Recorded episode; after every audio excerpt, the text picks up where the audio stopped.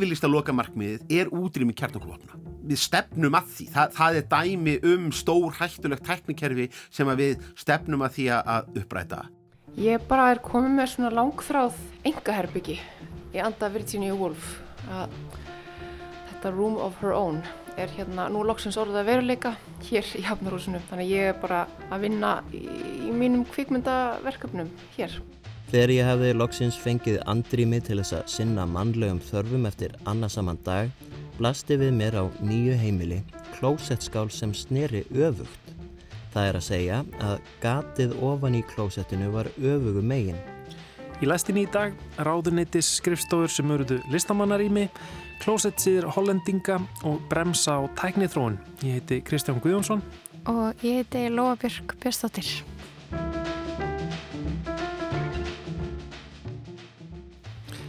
Jæja Lóa, hvað ert þú eiginlega búin að vera í dag?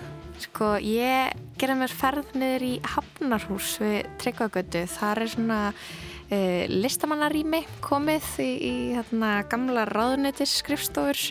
Um, það var eiginlega svolítið merkilegt á að, að sjá sko skrifstofur listamanna á einhverjum þremur hæðum í einhverju ótrúlega fínu skrifstofur í mig okay. en, en klálega það er klálega mikið búið að breytast og það er svona keramik út um allt og töff sófar og þetta er svona eins og raðanetti skrifstofa sem ég veit ekki, fyrir eitthvað cool raðanetti en þetta er svo sett sko, þetta er svona samfunnuverkefni Reykjavíkuborgar og, og hóp sem að Haraldur Þorleifsson sem er stundum kentu við Twitter mm -hmm. og, og Rampa, hann er svona í forsværi fyrir hann hóp.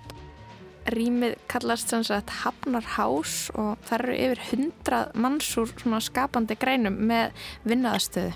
Ok, þú fórst ángað að bara svona taka þetta út. Já, ég tók þetta út. Ég spjallaði við Arnar Sigursson sem er annar uh, gestgjafa Hafnarhás og svo fekk ég að kíkja inn á skrifstofur listafólks og og eh, spyrjaðu hvað þau verið að gera þarna.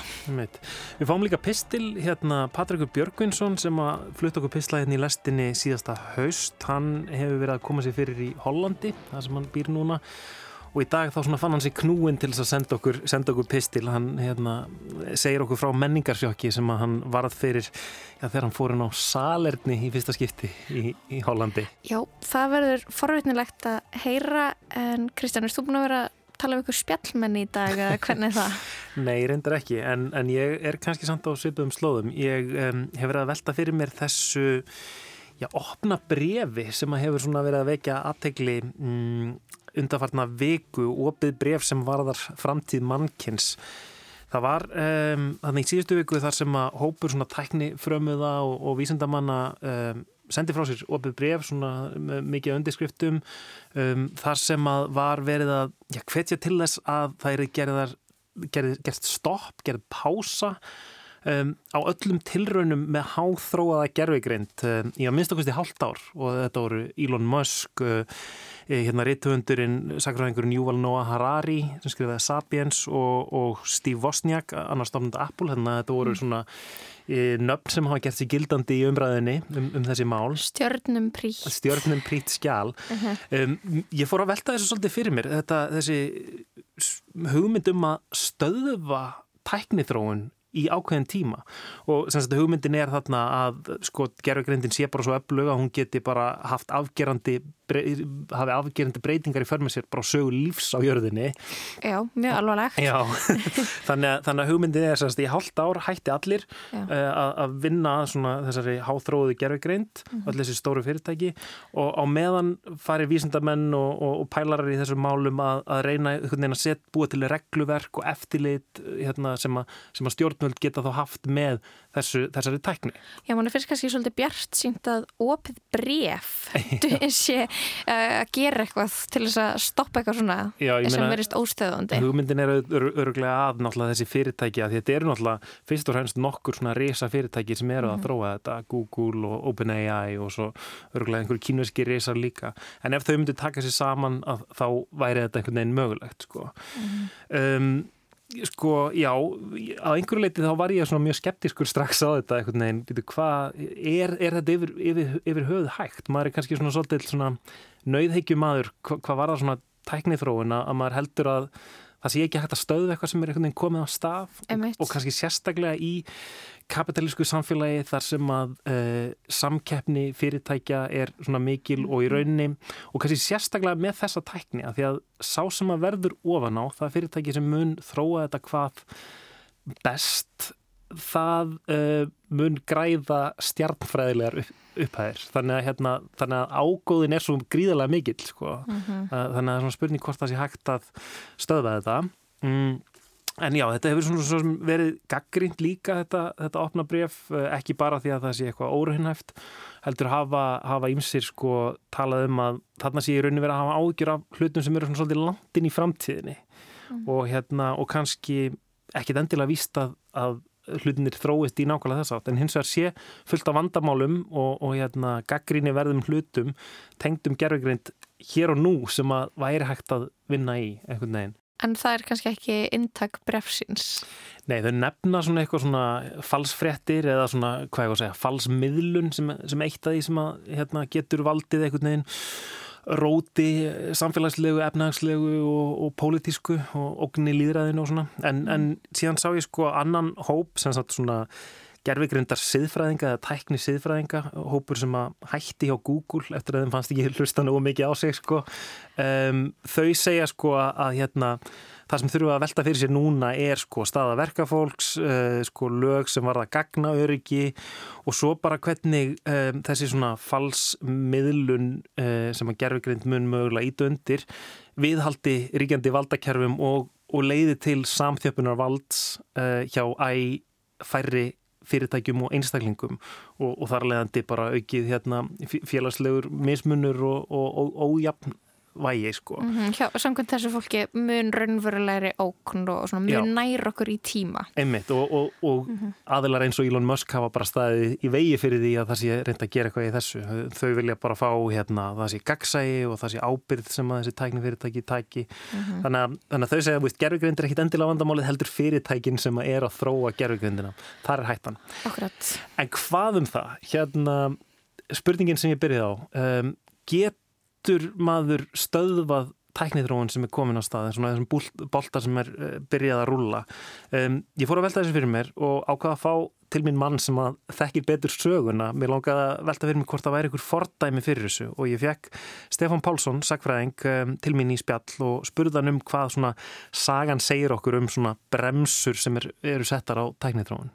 Þetta er svona kunnulegt viðfangsefni eða, eða stef hjá, hjá tæknisakfræðingum, hugmyndin um það hvort að uh, tæknin uh, einhvern veginn riðjist alltaf svona bara óheft uh, áfram, hvort að hún geti stoppað, hvort hún geti gengið til uh, baka. Í íslenskunni þá tölum við alltaf um tækni framfarir sem að, að er náttúrulega mjög gildið slaðið orð og, og félur í sér svona kannski afstöðu til uh, viðfangsefninsins en við náttúrulega sjáum það að uh, það eru dæmi um það í, í sögunni að, að um, tækni og verkun átt að hafi tapast nýður hérna við þekkjum til dæmis bara hér á, á, á Íslandi. Sjáum við það að, að, að margt bendir til að fyrstu aldirnar hafi landsmenn verið duglegri við að, að nýta sér laugavatnið og, og hérna og, og, og jarðhittan svona til, til baða og jafnvel einhvers konar e, kyndingar sem að hverfur síðan úr, úr sögunni. Uh, eldri samfélög, það eru, það eru dæmi um samfélög sem að verðast hafa tekið upp hjólið en glutraði niður aftur og, svo höfum við uh, svona dæmi um, um það þegar að já, menn lengi vel bara skildu ekki hvernig fornaldar menn gáttu reist til dækna byggingar, píramítatnir, uh, stórbyggingar, romverja, þetta var mönnum hulin ráðgáta af margar aldir. En þar höfum við kannski dæmi um tæknilega afturför sem er afleiðing af hruni samfélaga, uh, efnahagshrun sem að aftur leiðir til hnignunar í, í uh, verkmenningu. Þetta er ekki svona meðvituð ákvörðun Ekki beinlínis, ma maður svona efast um að hún sé, sé uh, meðvituð. Uh, annað dæmi um þetta er kannski þegar að- að markaðurinn tekur þá ákvörðun að veðja á eina tækni eh, eða metur það sem svo að það borgir sig ekki að halda áfram uh, tæknið þróuna, ávinningurinn miða við kostnaðin sé svo takmarkaður. Uh, og, og þar höfum við, ímistæmi uh, rafbíla eigendur eru duglegir að draga það fram að, að rafbílarnir hafi staðið uh, sprengirheifil spílunum framar í, í byrjun 20. aldar en síðan hafi svona belli bröð uh, hagsmuna aðila í olju, yðnaði og, og framleiðenda bensín og, og díselbílana valdi því að, að tablið snerist við aftur. Uh, þau sem að veðjuðu á beta-videotækin en ekki VFS uh, hérna börðu vekki í mörg ár og, og, og kvörtuðu yfir því að þarna hefði raungtækni verið veri valin. Uh, annað kannski svona st stærra og svona raunhafara dæmi er það uh, hvernig menn reiknuðu með uh, að framfærir í, í flugi, farþegaflugi hvernig þær myndu eh, halda áfram eh, endalust, eh, skrefið frá fyrstu flugvelunum í, í byrjun 20. aldar og þar til að það voru komnar stórar farþegaþotur menn sem að horða á þennan þróunaferil sáu fram á það að það veri bara tímaspursmál uh, hvenar að hljóðmúrnum erði splundrað og, og uh, rísa vélar myndu fara heimsorna á milli á örskomum tíma. En þá á einhverjum tímapunkti rekast menn ákveðin vekk mm -hmm. að menn svona meta það sem svo að í rauninni sé kannski flug upp á 6 klukkutíma yfir Allandshafið sé ásættanlegt miða við kostnaðinn við það að mjaka þessari tölu nýður. Já. Þannig að við, við höfum ímestæmum þetta að, að markaðurinn meðvitað eða ómeðvitað stýgur í það minsta á bremsuna mm -hmm. þegar kemur að, að, að tækni þróun.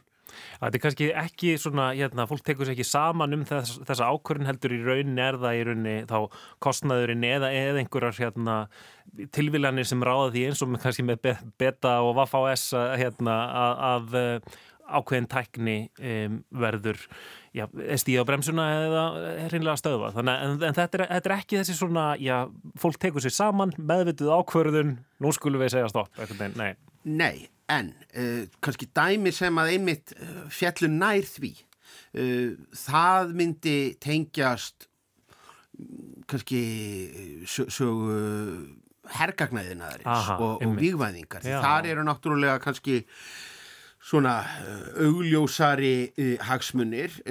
Þar höfum við séð dæmi náttúrulega um það að ríki sem að þróa vopn Uh, þau vilja náttúrulega stýtja einn að, að þerri tækni, þau vilja koma í, í, í vekk fyrir útbreyslu hennar uh, þannig að með mjög ströngu eftirliti uh, þá þá, þá sjáum við það kannski svona möguleikin til frekara þróunarstarfs getur verið, verið skertur mjög mikið. Frægasta sögulega dæmiði fyrir langt aftur.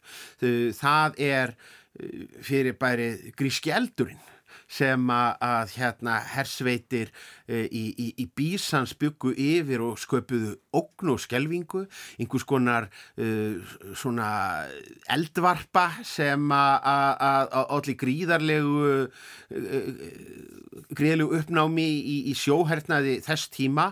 Uh, Bísans uh, menn gættu þess svo rækilega að uh, varðveita leindarmálið að í dag er raunni vittneski okkar um það hvað gríski eldurinn hafi raun og veru uh, byggist á, á mentuðum ákískunum mm -hmm. þannig að þar höfum við dæmi um í raunni bara tækni nýjung sem að tækni sem að hverfur vegna þess að hennar er, er gætt uh, mjög, mjög vel uh, annað dæmi er, er tengist uh, vopnum sem náttúrulega uh, ógn og skelvingu á, á 20. stöld sem svona efnavopn og, og, og síklavopn þar sem að uh, þjóðir heims uh, gera samkomulag um það að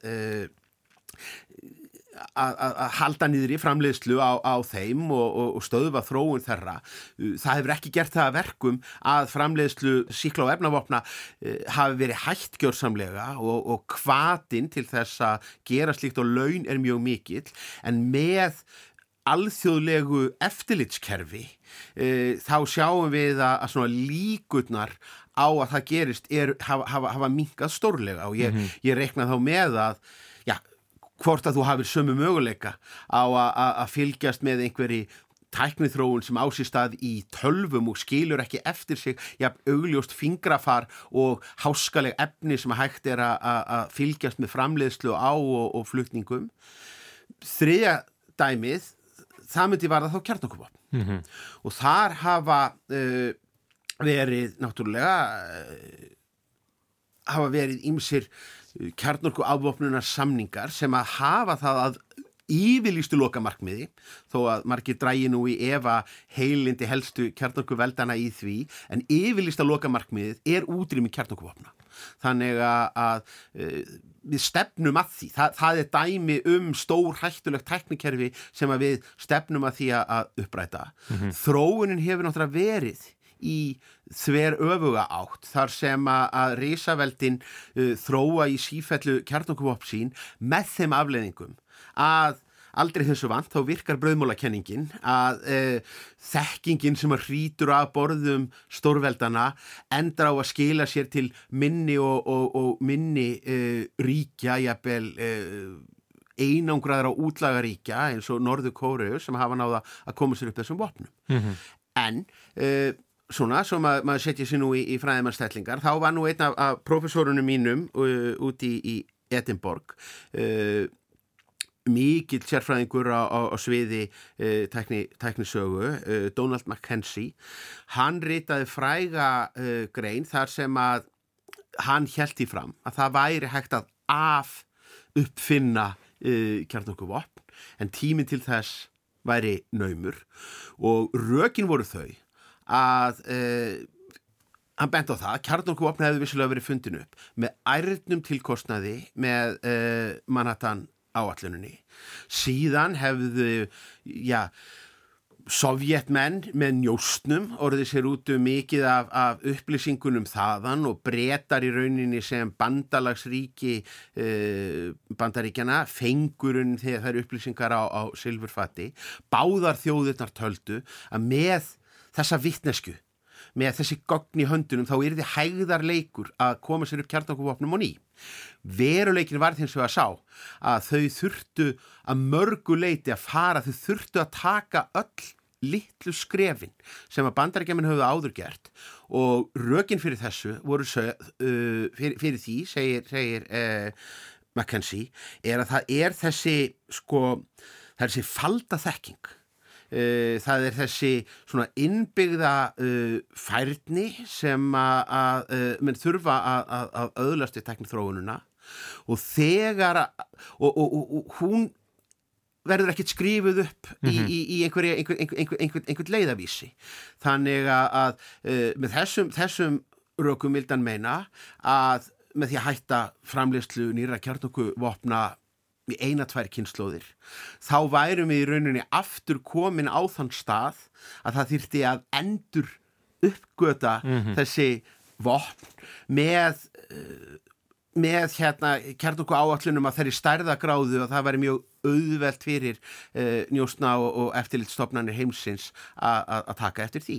Þannig að maður veldur því fyrir sér mm -hmm. hvort að uh, það mætti hugsa sér að með einhvers konar slíku kerfi að það væri hægt að setja allavegna bremsu á, á þróun gerðugrindarinn. Einmitt. Man verður eiginlega alltaf að hugsa til hérna, hvað heitir á íslensku, prisoners dilemma, fanga og vandamál uh, fangans sko, þar sem að hérna Við erum með marga ólíka aðila sem að, hérna, eru að um, já, sjá sér hagsmunni í því að þróa einhverja tiltekna tækni og það eru miklir fjárhalsleir hagsmunir sem að fylgja því að vera fyrstur að þróa þessa gerfigreinda ákveðin hátt sko. Þannig að mað, maður verður svona, já, efast um að einhvern veginn það sé hægt að fá alla til þess að, hérna, til þess að sammælast um eitthvað svona og, og já, kannski sérstaklega í einhvern veginn kapitalísku samfélagi sem, sem að, sem að þessi samkeppni milli ólíkra fyrirtæki, ólíkra aðila drýfur oft hérna, þróun náfram einhvern veginn. Já, þetta er að því leiti þetta er enn íllverðanlegra þegar þú ert með, með sko, hagnaðadrefin kapitalísk uh, fyrirtæki, þetta er nógu erfitt þegar við erum bara að tala um ríkstjórnir mm -hmm. uh, en, en samlíkingin einmitt uh, er mjög augljós við kjarnorkuvopnin, við efnavopnin uh, sem að, þar sem að, framleiðsla á stæstu kjarnorkusprengjunum sem að hefur bara getað þurkað út uh, mannkinn eða, eða efnavopna framleiðsla meira að segja eftir hörmungar uh, fyrir heimstrialdarinnar voru einmitt alltaf réttlætar af stjórnvöldum á hverjum stað með þeim hætti að, að þau gerðu sig grein fyrir því að þetta væru djöfuleg vopn og, og, og þau hefðu í rauninni engan, eh, engan áallanir um að beita þeim en svo staðreind að keppinautunum væri ekki treystandi eh, yfir, yfir þröskuld og að líklega væru þeir að þróa þessi sömu vopni í, í, í anstíkilegum tilgangi að það virkaði sem réttlæting fyrir að, að halda áfram. Þannig að sporin, sporin hræða en á móti kemur líka að ef að menn ætla sér í rauninni að reyna að koma upp einhverjum slíkum mekanismum koma upp einhverjum, einhverju, einhverju, einhverju slíku alþjóða samkomulagi þá verður væri fyrirmyndana að leita í stóru afopnunarsamningunum sem að hafa þráttur að þeir séu haldi aldrei fullkomlega þá hafa margir þeirra virkað uh, bísna vel efnavopnum og síklavopnum hefur ekki verið beitt nema í mjög takmörguðum mæli í, í hernaði uh, frá því á fyrirluta 20. aldar sem að allir byggust við á, á sínum tíma, bara þegar að fyrir heimstyrjöldinu laug þá byggust allir við að þetta myndi verða eitt helsta enkenni styrjalda framtíðar. Þetta var Stefan Pálsson en næst heyrum við Patriki Björgvinsinni sem er nýfluttur til Hollands.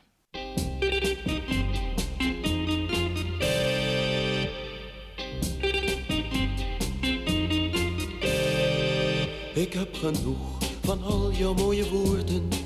Ik heb genoeg van alles wat je zegt. Ik ga maar weg, je zult je wel vermaken. Je hebt je nooit zo sterk aan mij gehecht. Nú hef ég dvalið í Hollandi, landi túlipanna og treklossa í réttrúman ársfjörðung og ég hef fengið tækifæri til að rína í samfélagi hér og bera það saman við samfélagið á Íslandi sem ég ólst upp í. Ég hef komist að því að Holland og Ísland eru ekkert svo ósvipuð. Hér fer fólk úr skónum áður en gengið er inn í hús Hér er yfirleitt skíjað og vindur og mjög fáir nota reglífi í rigningu. Kaffistofu spjallsnýst um veðrið og verðbolgu, fólk klæði svörtu, borðar lakrís, hinn hefðbundni matardiskur er frekar litlaus og það er kvöldmatur um sjöleitið. Það er meira að segja greiður aðgangur að almenningssundlögum hérna með sundlög, vaðlög og gufu. Það er því lítið sem hefur komið mér í opna skjöldu eða látið mér líða eins og ég sé út í hennum framandi heimi hér á meinlandinu. Ég er auðvitað ennþá í vestur Evrópu en ég hefði samt sem áður gert mér það í hugarlund að viðbreyðin erðu meiri.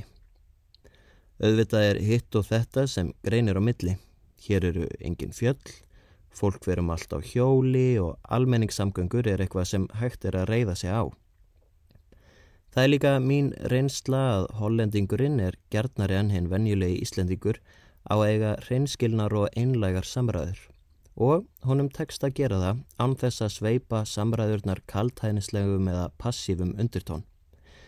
Hugmyndafræði sem verist fólki á Íslandi mjög fjarrri. Um daginn var ég spurður hvort ég hefði fengið svo kalla menningarsjokk á dvölminni hér. Nei, hugsaði með mér, en ég velti spurningunni svolítið fyrir mér. Í raun og veru aðeins meira en svolítið, ég hugsaði um hana allan daginn. Það var svo ekki fyrir en ég var að fara í háttinum kvöldið að það rann upp fyrir mér hvenar ég fekk mitt fyrsta og eina menningarsjokk í Hollandi. Það var í sama herbergi og því sem ég stóði í á þeirri stundu að bursta í mér tennurnar. inni á Baþerbergi. Atvikið átti sér stað á fyrsta degi mínum hér. Ég hef verið að ferðast allan daginn, flutt inn í íbúð og kynst meðleiðanda mínum. Ég var þreyttur, sveittur og alveg spreng. Mér þykir hvorki smekklegt nýja skemmtilegt að ræða klósettferðir en þetta þykir mér það merkilegt að ég læta liggja millir hluta í skamma stund meðan ég greini frá þessu. Þegar ég hefði loksins fengið andrými til þess að sinna mannlegum þörfum eftir annarsamann dag, blasti við mér á nýju heimili klósettskál sem sneri öfugt. Það er að segja að gatið ofan í klósettinu var öfugu megin, fjær vaskassanum og nær vaskassanum var hilla. Ég stóð á gati eða sat á því, horfið á það og fyrðaði mig á því. Ég hugsaði með mér að hér hefði pípari verið að störfum sem fekk mentun sína aftan á serióspakka. Þetta hliti að vera einstæmi. Líf hverra ætti það að bæta að þurfa að standa augliti til auglitis við úrgangin sinn. Stilla honum upp eins og verðlaunagreip áður en hann er sendur á hafút. Hver vil vera myndur á það að hann sé eins og hver önnur skeppna? Næsta dag mæti ég vinnuna og tilkynni samstarfsfólki mínu hvernig salerninsmálum sé háttað á nýja heimili mínu. Ég gerði ráð fyrir upprópunum og andköfum en viðbröðin voru þvert á móti. Þetta þótti öllum eðlilegt. Það gaf þó enginn sagt mér nákvæmlega hvers vegna þetta væri svona. Líklega á sama hátt og ég get ekki útskýrt hvers vegna klósettin á Íslandi eru eins og þau eru. Þetta er eitthvað sem maður hugsaður ekki út í fyrir en því er breytt. Ég kom svo að því smátt og smátt að það eru fleiri klósettsiðir sem ég hef ekki fengið að venjast heima á Íslandi. Til að mynda eru gerðnan tvö baðherbergi á heimilum, annars vegar fyrir sturtu og hins vegar klósett. Svo á almenningssalurnum og meira segja stundum í heimahúsum kemur bara kallt vatn úr krananum, þannig nöytnin við hlýjan handþvott er á bak og burt. Ég varða að komast til botts í þessu máli. Það hlýtur að vera einhver ástæða fyrir þessu. Ég settist við tölvuna og hófa leita svara en fann lítið. Ég rakst á fyrirlestur frá slóvenska heimsbyggingnum Sisek þar sem hann velti því fyrir sér hvort klósett og samfélagsgerðir geti tengst. Þá talar hann um munin á frönskum og þýskum klósettum. Þau frönsku er eins og þau sem við höfum almennt á Íslandi og þau þýsku eins og þau sem eru hér í Hollandi. Frakkin sé byltingakendur og vilji fjarlæga hægðir eins hratt og mögulegt er, ekki ósöpað fallöksi. Þjóðverjinn sé raunsæri og vilji geta skoðað hægði sínar og leitað að vísbendingum að kvillum. Ég hef engan grunn í heimsbyggi og veit því ekkert hvort ég skilan rétt eða hvort þetta á sér stóði í raunveruleikanum. En mér langar að halda að það séu einhverjir skýrari svör þarna úti. Kanski er þetta einfallega vegna þess að fólk ræðir almennt ekki klósettið sín á milli og þannig fáið það að þróast í mismunandi áttir óháð samfélaginu. Kanski er munurinn fólkin í mismunandi nálgun á snirtinguna hér og heima. Á Íslandi er klósettferð personuleg og notaleg stund. Það kristallast kannski í klósettvísunni frægu sem byrjar á Hér er ró og hér er friður, hér er gott að setjast niður. Þetta er stund þar sem maður gerir vel við sig og vill vera óáreittur. Hér í Hollandi verðist praktikinn hins vegar vega þingra en notaleghetin. Þú þvær þér um hendurnar því þú þarft að gera það. Það þarf ekkert notalegt hitasti á vatninu og þú geymir hægðir þínar á hillu því það er skinsamlegt að fylgjast með þeim. Þú þarft ekki notaleghetin við að geta styrta þeim úr auksín. Kanski skipta þau baðherberginu í tvö herbergi til þess að annað sé fyrir praktík og sjálfskoðun en hitt fyrir notalegheit og frelsi frá áreiti. Hvað veit ég? Ég held ég geti þó prísa mig sælana menningasjokki sem ég fekk var svona lítilvæglegt þótt að hafi valdið mér miklu hugarángri og það að sjokkið hafi átt sér stað í einrúmi þótt að hafi tekið af mér nöytnina þurfi ekki að horfast í aug við það að ég er eftir sem áður bara skeppna.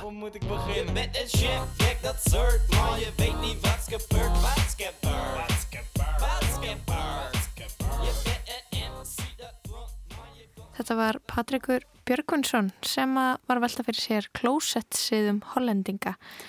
Já, hann vísaði þarna í slóenska hinsbyggingin Sláu Sísek. Þetta er hérna já, þekkt um, pæling hjá hann og ég held að þetta sé úr bókinu Órapláan sem er til á íslensku um, um klósett menningu í Evrópu, uh, mismundi klósett siði. Um, ég fjallaði einhvern tíman eða svona notaði þetta fyrir uh, einhverjum árum uh, þessa sömu, sömu pælingu og, og fekk þá hérna uh, bara sjálfan slá í sísæk til þess að lesa smá brot úr bókinu sinni og heyra, heyra það Á hefðbundnu sísku salerni er hólan sem kúkurinn hverfur um eftir að við störtum neyður fremst í skálinni. Sannig er skíturinn látin blasa við okkur svo við getum sefað af honum og leitað að merkjum um krangleika. Á dæmigerðu frönsku salerni er hólan aftur á móti baka til og ætlast til að kúkurinn hverfi eins hratt og auðið er. Loks færir engil sakslenska salernið fram nokkur skónar nýdurstöðu. Málamidlun millir þessara tvekja anstæðu bóla. Þar er skálinn full af vatni þannig að kúkurinn flýtur í henni. Sýnilegur en þó ekki til náinnar skoðunar. Engin furða að Erika Jóng heldur því hálslega fram í frægri umfjöllunum Evrópskalerni að þýsk klósett séu í raun líkillin að þessum hryllingi syrðja ríkisins. Þeim sem geta smíðað svona klósett er trúandi til hvers sem er. Augljóslega verður enginn einn útferðsla á hönnun salernis raukstöld á fortlettum nýttahyggjur einna saman. Hér kemur skýrt og greinilega fram tiltekkin hugmynda freydileg sín á eftirleg samband hugverunar við anstigðina innan úr okkur eigin líkomum. Já, það er ótrúlegt að hann tala íslensku, ég vissi það ekki. Já, ég fekk semst eftirhermu til þess að hérna, líka eftir þessum ennkennandi talanda uh, slóenska heimsbyggingsins en, en eftirherman vildi ekki koma fram myndi nafni þannig að það hérna, líka millir hluta hver þetta er sem okay. að leikur slá í síseng. Um, herðu, úr uh, þessum pælingum ætlum við að fara neyri í Hafnarhús við Tryggagötu og við ætlum að kíkja í ný vinnurými listamanna sem kallast Hafnarhás.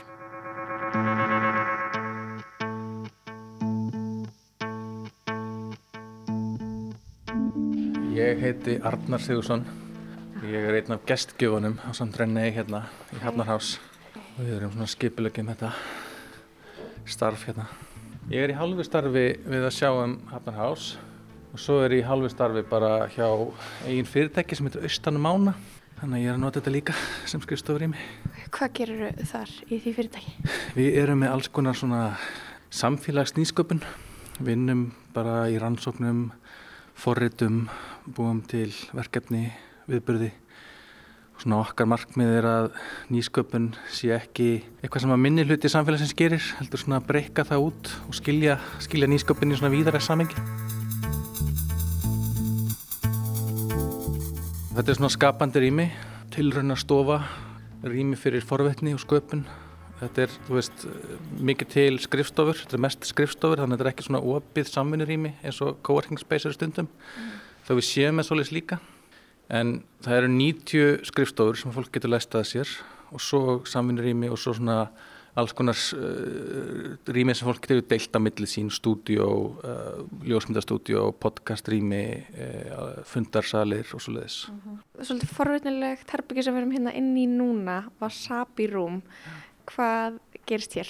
Þetta er svona kaffistofan og hádegis hérna, matarstaðurinn og þetta heitir Wasabi herbergið. Það komu mjög kraftmikla konur hérna í byrjun, Antje og Jördís og það er svona pikkuð upp á því stemmingun sem var í gangi og, og fóru bara að uh, búa til hátdeismat fyrir fólki sem er hérna mm. og, og tóku bara til, til sinna ráða og máluðu þetta í þessum hérna, skemmtilega wasabi lit græna mm. og það er svolítið svona þannig sem við viljum hafa þetta, við viljum að fólk bara taka til sinna ráða og eigi frumkvæða að því að, að móta rýmið mm. og búa til eitthvað skemmtilegt í því og þannig einhvern veginn poppa hlutur upp sem okkur hefði aldrei dottið því að gera mm. veist, þess vegna erum við hérna með veist, munasafnið, uh, það er komið keramikstúdjó, það eru alls konar hópar og vinnustofur sem að fólk er að búa til. Þannig að svona, svona okkar stærsta strategía er að vera ekki of mótaðar hugmyndir sjálfur mm. Og leiði þessu svolítið að þróast og, og, og fyrir að frekar svona hvetja fólk bara til þess að taka völdin sína í einu hendur. Mm -hmm. Mér finnst þetta áhugaverst sko að sé mötunöti hérna út af því að þú, þetta er um, skrifstofari með það sem fólk er að koma að vinna sjálfstætt, uh, listafólk uh, sem er kannski vandi að vera mikið eitt en svo er þetta að koma hingað og bara borða eins og þetta sé mötunöti hjá okkur í stopnun. Já, sko það er auðvitað mjög áhugavert hvað gerist þegar að 165 manns sem að annars væri einhver starf tvist og bast um bæin eitt í sinu hotni kemur saman. Það er það áhugaverða. Það er þetta svona pluss einn í dæminu. Þetta er ekki bara veist, allir einstaklingarnir heldur samfélagi sem getur myndast. Tengslinn, verkefnin, hugmyndirna sem flæða milli þetta er líka svolítið svona, ég líki sér saman við þegar að hérna, verka fólk kom úr sveitónum og fór að vinna í stórum versmiðum á 19. öld að þá fattuðu fólk að hérna, ég er ekki einn í þessu og það er annað fólk sem er með svipuð vandamál mm bara það komu margir saman einhvern veginn mm. og, og það er svolítið það sem okkur langar til að sjá og gerast hérna að svona skapandi fólk einhvern veginn upplifir sjálft sig í samfélagi og að hérna geti haft áhrif á jafnvel bara heiminn og samfélagi kringu sig og, og farið svona að vinna saman. Hvað segiru? Uh, getur við tekið uh, smá röld um? Getur við sínt mér? Já. Erum við nokkuð að tröfla fólk að fara að löpa um um? Er... Mér finnst líka svo áhugavert sko þessi komið ljósmyndastúdíu og og þarna á hlaðavarpstúdjó er eitthvað hægt að skoða þau Já. eða getum við kíkt á þau? Sko ég sagt er sko við erum með svona aðferðafræði hérna í húsinu sem að er svona í djóki svona þryggja skrefa hafnarhás mhm. aðferðin sem er sem sagt væri það ekki æðislegt ef og svo kemur við eitthvað ljósnastúdjó og svo kemur við næsta skref er hverju vil vera með og svo er bara því að skrifa að gera það það er svona, þú sérð sko út á sjó hérna uh -huh. og, og það vildu allir vera þar þegar við byrjuðum og við hugsuðum, þú veist, hvað hefur að gera hefur við að láta bara einhvern einn vera með flottasta rýmið eða hvernig gerum við þetta við ákvæðum bara að það væri bara allir sem getur nýtt þetta og svona eftirsótust rýmin verði alltaf svona sameileg rými þannig að við reynum svolítið að hugsa þetta svona út frá svona bara samfélagsleiri heild og hvernig getur við gert eitthvað sem að nýtist til flestum. Finnir það fólki mikið svona eitthvað að banka í næsta manni og hérna, byggjum hjálp eða ráð eða? Já, klárlega og þú veist, við erum búin að vera opinn í sex mánuði og hérna, það er allir einhvern veginn svolítið að fara að vinna með öllum. Ekkur er að teikna fyrir einhvers verkefni, ekkur er að gera heimildamind fyrir hinn, e, skipleika viðburði, þannig að þetta er svona orðið svona mikið samkröðl, bara það að lappa um einhvern veginn, þá er allir einhvern veginn að grípa hvern annan og spyrja hvernig gengur þetta.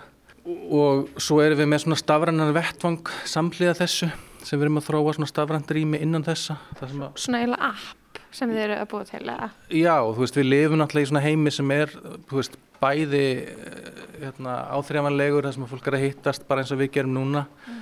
en svo er einhvern veginn öll okkar, allt okkar skipulag og samskipti er orðin svo stafræn mm. þannig að tilröndin fælst auðvitað líka í því að, að búa til eitthvað svona svæði þar sem að fólk getur komið saman og, og, og hérna, tengst og og verið svona þróa hluti saman þar líka mm. þannig að það er fólk að plugga þú veist viðbyrðum og síningum og opnunum og bókum sem er að gefa út og svona þannig að það er mjög áhugavert að fylgjast með því líka mm -hmm. Má ég, má ég að hörð? En, en ég held að sé kannski svo til barnaninni þannig að það fara bara rólega mm. Já, ok, það er svo vandir barn Já, ég meina það þarf að passa upp á allan Maslow píramítan alveg frá grunnþörfunum eins og mat og, og hérna ungviði og bara alveg yfir í að passa upp á hérna samfélagslega vitund og, og hérna bara félagskap þannig að það er kostur með að vera með svona vinnustæð sem fólk er allt svona skapandi og, og hérna eh, tekum mikið frungkvæði eða bara fólk býr til eitthvað sem það langar til að gera. Og það var það sem okkur vantaði, það var herbyggi fyrir börnin okkar og þá bara gerðum við það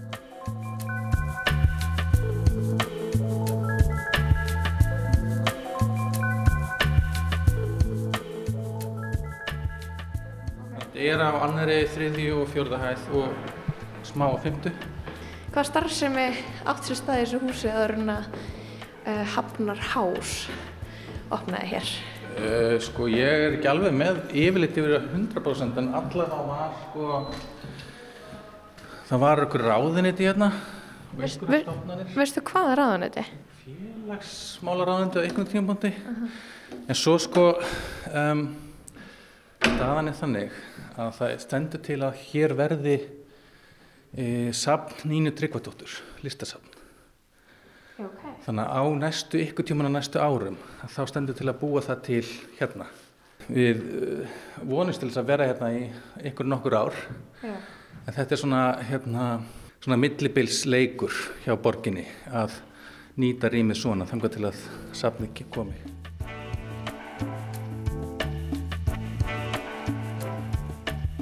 Ég heiti Ása Helga Hjörlustóttir. Og hvað ert að gera hérna í Hafnar Hás á skrifstofunni þinni? Ég bara er komið með svona langþráð hérna engaherbyggi í anda Virginia Woolf. Þetta Room of Her Own er hérna nú loksins orðið að veruleika hér í Hafnarhúsinu. Þannig að ég er bara að vinna í mínum, í mínum hérna, í, í mínum kvikmyndaverkefnum hér. Erstu byrjuð á næstu mynd? Ég er svona að reyna að toga næstu verkefni út úr haustum á mér, já. Ég er búin að vera í mörg ár með nokkru hluti sem hafa verið að matla og ég er svona að, ég er að reyna hérna, ég er að, ég er að koma með þeim á næsta, næsta level núna.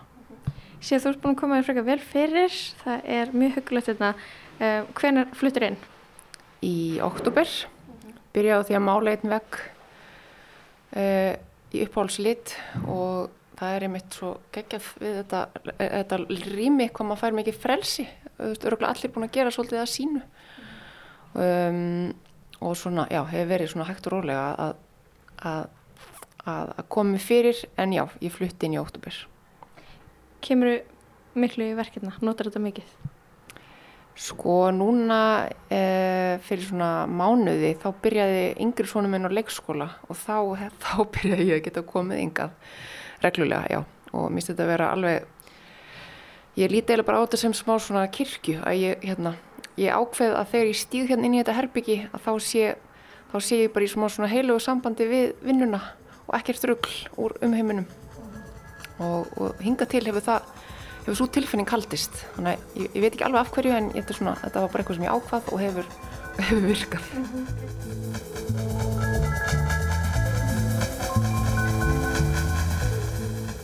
þú setur svona mikið að listafólki inn í sama hús og maður sér allar skrifstofunar að það verður svona svona moment þar sem það er bara, já ok, það eru ótrúlega margir sem að vinna við listir á Íslandi, þetta er bara brot en bara hafa einhvern veginn alla hérna, það er svona uh, ge gefur smá samhengi.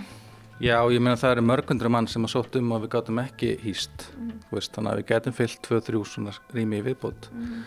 Þannig að, já, já, þetta er ótrúlega mikið af fólki og þú veist, þetta er líka lítil hérna, tölvuleikja fyrirtæki og þetta er líka hönnuðir ljósmyndirar eh, eitthvað svo leiði sko. Vi, við skilgrinum okkur sem skapandi greinar og, og hérna höfum fengið þetta húsnæði á þeim forsendum og, og heldum okkur inn í þessi ramma. En ég hefði ekkert að móti því að veist tengja bara eitthvað ennþá ólíkar enn í þetta, bara vísindamenn eða leikskólakennara eða fara bara þú veist ennþá fleiri vítir. Ég held að það sé jafnvel alveg holdt sko. hvernig fær maður að vera með í, í þessu húsi hvað maður, hvað er maður að gera Já sko það er auðvitað hægt að sækja um á heimasíðun okkar hafnar.haus. Um, það hafa ekki verið neinar lausa skrifstofur bara mjög lengi en það er hægt að komast að í samvinnurýminu og þá situr maður á skrifborði með öðrum og er ekki með fasta aðsitur. Í, já, sko, svona einn af hvata, eða svona uh, þeim sem spýrunum í þessu er hann Haraldur sem að hérna, fólk þekkir í tengslu við Twitter og rampana og þetta allt saman og hann er svona upphafsmaðurinn að þessu og, og svona heldur mjög mikið utanum þetta og, og fekk til sín fullt af fólki úr skapandi greinin sem þú sér það vefsíðun okkar sem er búin að ná langt og er til í að ljáu sér svona sinn, sinn, hérna, sinn presens við þessu verkefni. Varandi fjárstyrki og annað þá rekur þetta sig bara nokkurn veginn á því að við tök, hérna, innhendum leigu og við borgum ódýra leigu til Reykjavíkuborgar á þeim fórsöndum þetta sé fyrir skapandi greinar. Við höfum alveg fengið styrki frá fyrirtækjum en fyrst og fremst er þetta bara þannig að, að, að þetta reykur sig á leigunni sem fólk borgar sem er nokkuð ódýr mm -hmm. og, og þeirri staðinenda að Reykjavíkuborg leigir þetta til okkar e, mjög ódýrt til þess að styðja við skapandi greinar. Emme. Það er ekkert að koma neitt meiri peningur frá Haraldi og þeim.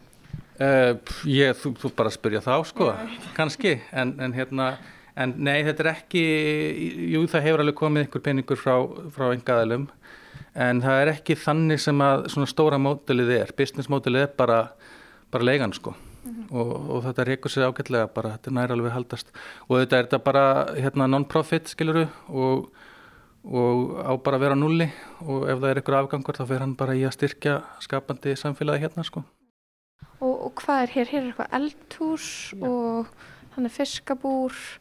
Það er alltaf svona fullt af stöðum hérna, um, það sem er hægt að koma sér fyrir. Það er nóg pláss. Þetta er svona að þýleitinu til kannski ólíkt svona öðrum listamannarímum sem maður hefur komið í. Það er svo mikið pláss út um allt.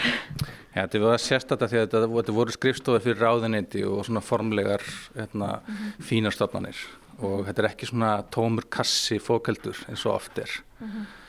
þú veist, þetta leit þetta rosalega svona hvað ég segja uh, kassalega út þegar fólk kom en við höfum aldrei einhvern ágjör af því við vissum alveg að við setjum hérna, skapandi fólk inn í þetta og, og svo bara nokkrum mánuði setjum það verður eitthvað svona skemmtilegt hérna, skiljur við mm -hmm. þannig að við fórum ekkert í það að gera eitthvað hipp og cool þetta bara verður það mm -hmm. eftir því sem er notað mhm.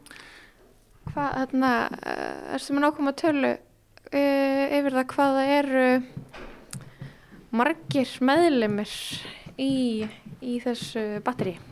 Já, það eru 165 mm -hmm. sem er að nota þetta hús sem vinnu aðstöðu mm -hmm. og svo þetta er fólk að koma hérna út af vinnustofum og viðbörðum og slíku þannig að mm -hmm.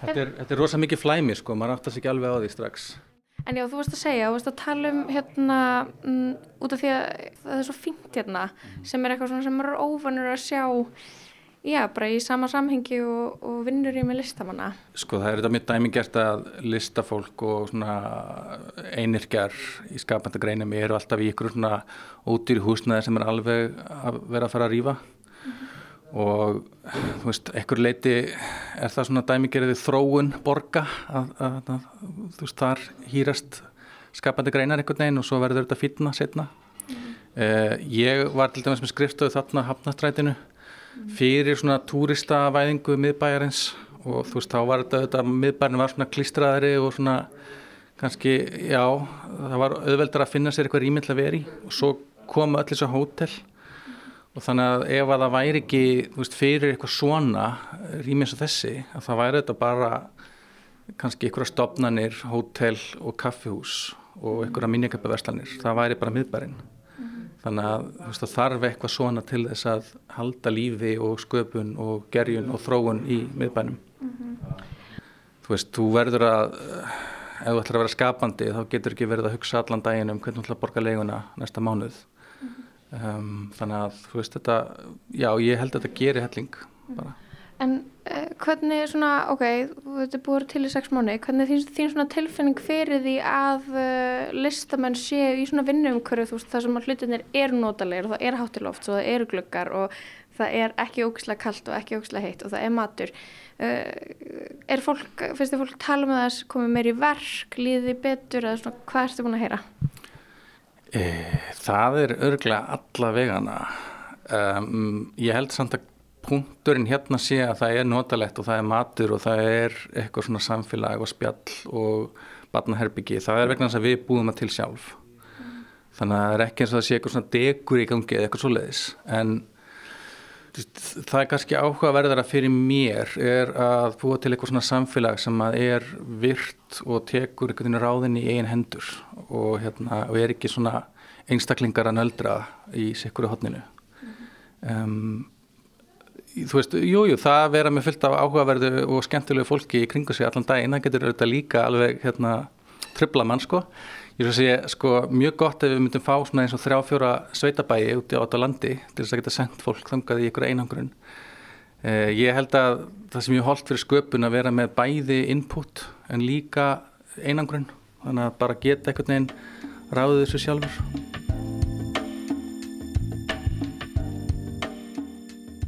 Ég heiti Tumi Og ég heiti Anna-Maria. Og hvað heitir þú? Jóhann. Og hvað eru þið að gera hér?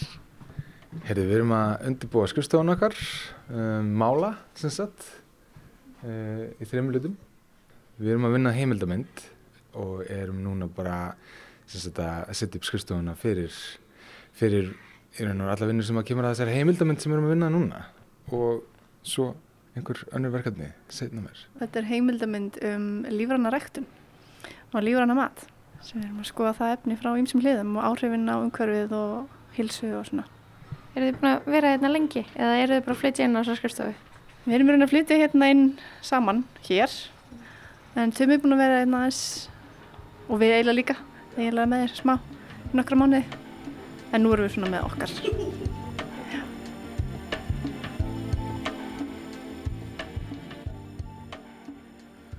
og fólk borga bara fyrir fermetran pluss meðlimagjald. Þannig að það, það eru mjög mis, misstóra skrifstofur og sömum eru kannski þrý, fjóri saman og, og svo eru sömur, sömum rímónum er bara heilu samfélagin sem er svona fluttu hingað inn einhver svona listahópar og svoleiðis. Mm, eins og flæði þá? Já, eins og flæði og svo er hérna kallað sér Stú Stú Stúdjó eh, unga konur sem eru með svona lista hérna samfélag. Og svo er munasafnið og hérna alls konar svona samfélagsverkefni sem að voru svona á hrakkólum kannski með húsnæði og fundu sér svona heimili hér. Ég heiti Freyr. Ég er að framlega mér tölvuleik. Þetta er tölvuleikur uh, sem gengur út á að reyka rollur. Okay. Þannig að þú ert að leika hyrðingja sem ert að reyka rollur frá, frá A til B, komast að markaðinn á endanum. Nefna þessar rollur eru svolítið sérstakar. Það eru þannig tilgerðar að, að ef það verður of stressaðar að það kviknar í þeim. Þannig að þá verður, sem sagt, þá flækist málið Mm -hmm. og þú ert að fara að nota verkværi eins og vassbísur og, og vassblöður og, og, og opn hanska til að reyna að slökka í, í rollunum og meðhandla þær til að koma um á lífi sem sagt á hinn endan. Og þetta er bara töluleikur sem þú ert að búa til núna, eða ekki? Jú, sem ég er að vinna. Ég er búin að vera í þessu í að verða ár núna. Og ert komin nafn? Komin nafn, ekki endarlegt nafn á leikinu, en það, það kemur múnandi bara. Þetta er ekki fyrsti töluleikurinn sem þú býr til? Þetta er fyrsti sem ég gerir sjálfur, en ég var að vinna hjá CCP í 14 ár, þannig að töluleikir eru ekki nýjir fyrir mér, þannig að sé sko, en, en nú er ég að gera þetta allt sjálfur, þannig að það er, það er nýtt og spennandi.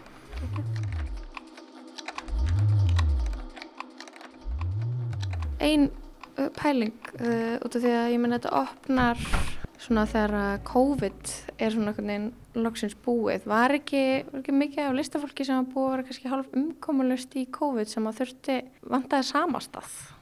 Jú, það var einhver sem að gerði svona spurði út í þetta, einhverja, einhverja hóp af, af hérna, notinum hérna. Kom ljósa mjög stórt hlutvall var að koma heiman frá. Þannig að það var ekki að koma úr einhverju öðru skrifstofuhúsnaði, heldur bara var að koma úr setnabyggjum og eldursporðum.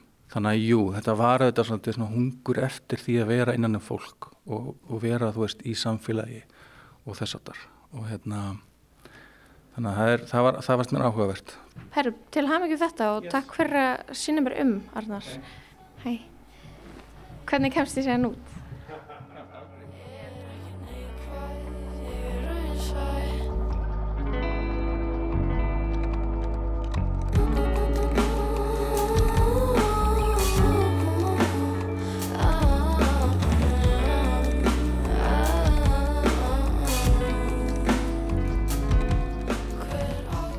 Það var hann Arnar Sigursson sem að liti mig um Hafnarhás og ég fekk að skoða þessa nýju vinnuaðstöðu þar sem að listamenn og alls konar fólk úr skapandi greinum er búið að koma sér fyrir undanvartna sex mánuði.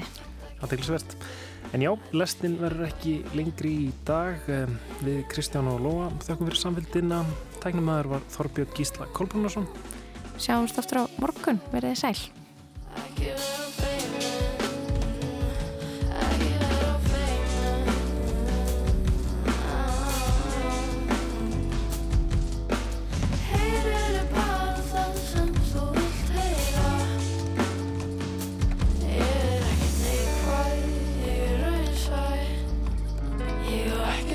tempted.